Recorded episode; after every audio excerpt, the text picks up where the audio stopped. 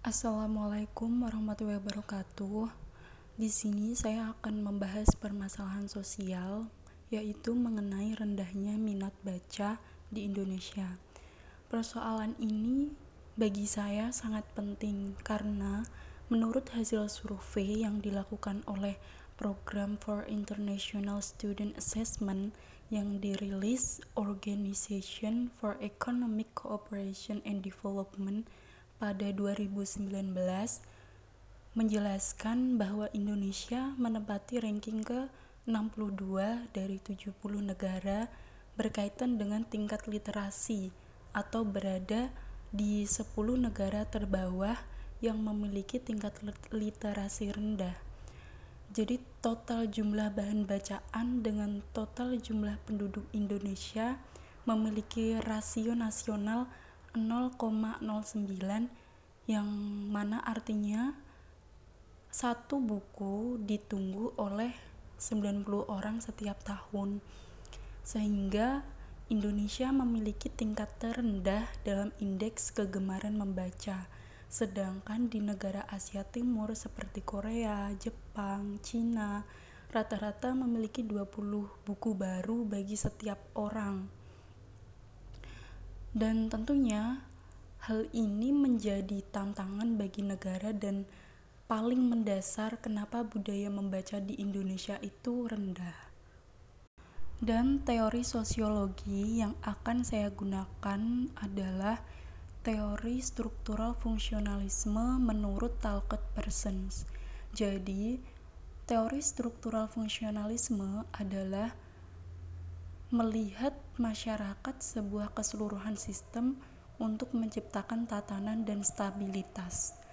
Teori yang dikemukakan ini merupakan teori dalam paradigma fakta sosial yang paling besar pengaruhnya dalam perkembangan ilmu sosial seperti sekarang ini.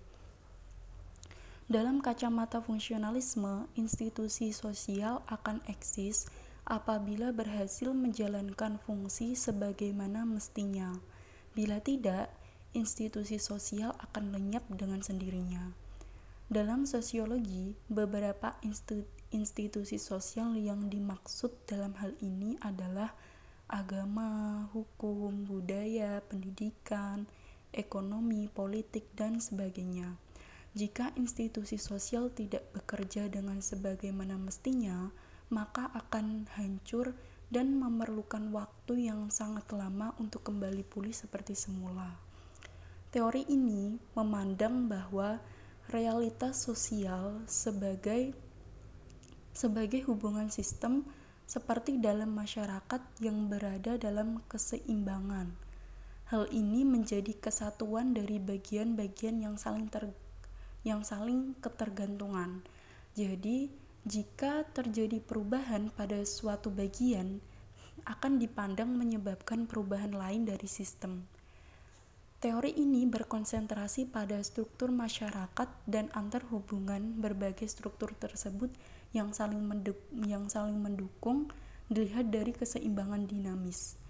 Teori ini tertuju pada unsur struktur dan fungsi dalam meneliti proses sosial di dalam masyarakat serta pandangannya pada masyarakat sebagai sebuah sistem yang terdiri dari berbagai bagian ber, ter, dari berbagai bagian yang saling ketergantungan. Teori ini menganggap integrasi sosial sebagai fungsi utama dalam sistem sosial. Menurut Talcott, kunci dalam menuju integrasi sosial adalah proses kesaling bersinggungan antara sistem kepribadian, sistem budaya, dan sistem sosial. Dalam mengoperasionalkan fungsi sistem sosial yang terkait dengan subsistem, Talcott mengajukan empat skema fungsi penting untuk semua sistem tindakan yang terkenal dengan sebutan skema agil. Menurutnya, ini diperlukan oleh semua sistem sosial. Jadi, suatu sistem sosial agar tetap bertahan, maka harus mempunyai empat fungsi agil ini. Empat syarat dalam sistem sosial tersebut adalah satu adaptasi. Jadi adaptasi adalah pola individu atau masyarakat dalam menyesuaikan dirinya dengan lingkungan baru. Yang kedua, pencapaian tujuan. Proses pencapaian tujuan di mana seseorang atau kelompok mampu menunjukkan tujuannya dan berusaha mencapai tujuan-tujuan itu yang sudah dirumuskannya. Yang ketiga, integrasi pola mengatur hubungan di antara komponen-komponen institusi sosial supaya ia dapat berfungsi secara maksimal. Dan yang keempat yaitu pemeliharaan pola yang ada. Maksudnya, pola pemeliharaan itu mempertahankan, memperbaiki, memperbarui baik motivasi individu-individu maupun pola-pola budaya yang menciptakan dan mempertahankan motivasi itu sendiri.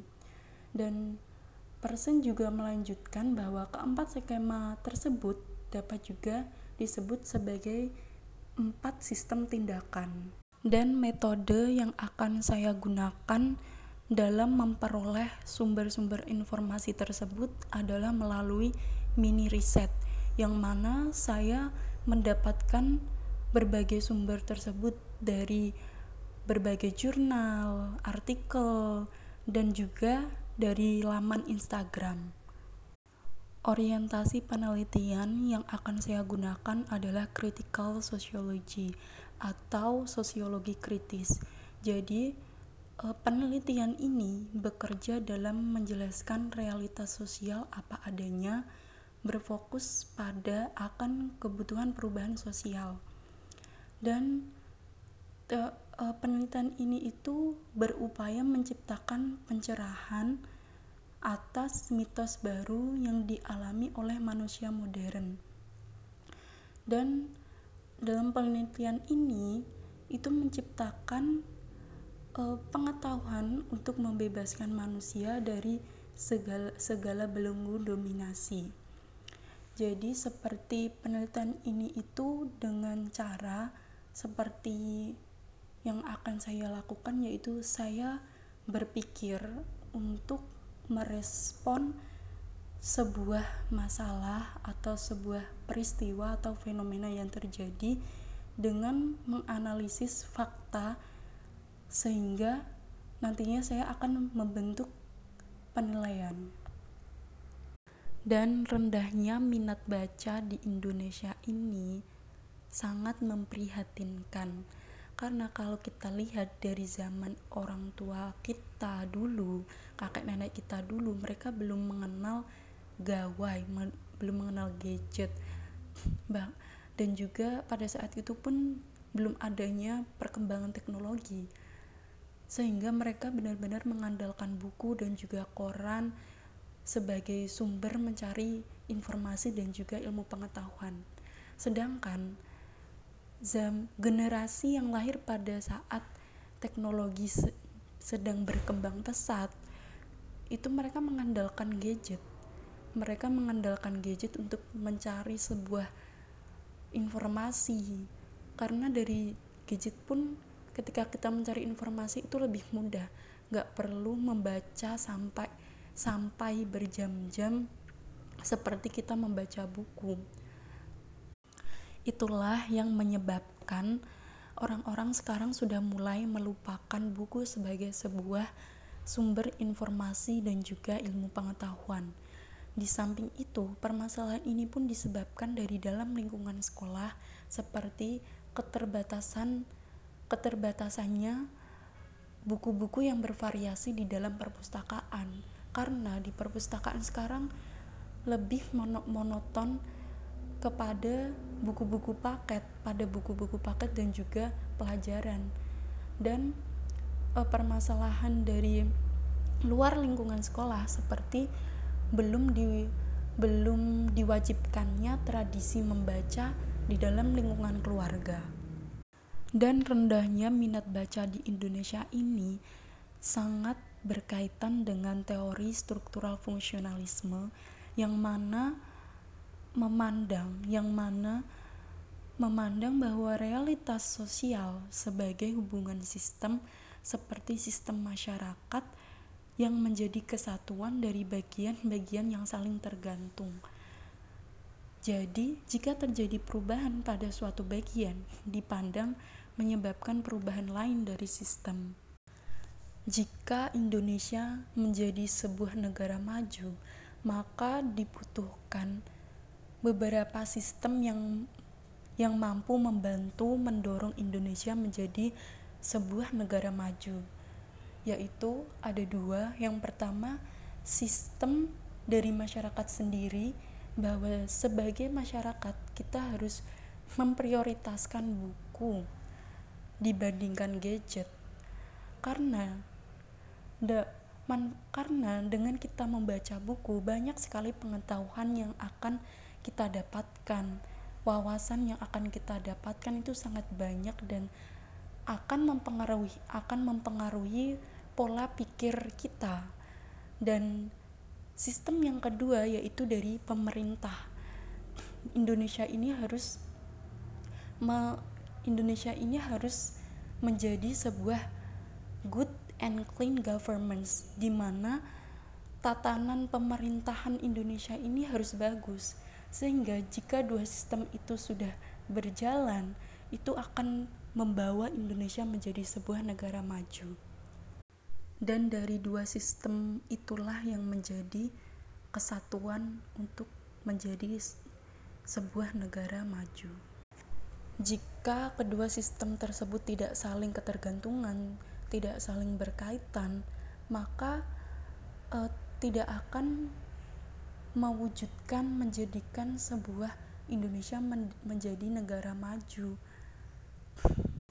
Dan pendapat saya mengenai permasalahan tersebut bahwa ternyata rendahnya minat baca di Indonesia itu menjadi salah satu faktor yang yang mempengaruhi mengapa Indonesia belum menjadi sebuah negara maju sampai sekarang ini.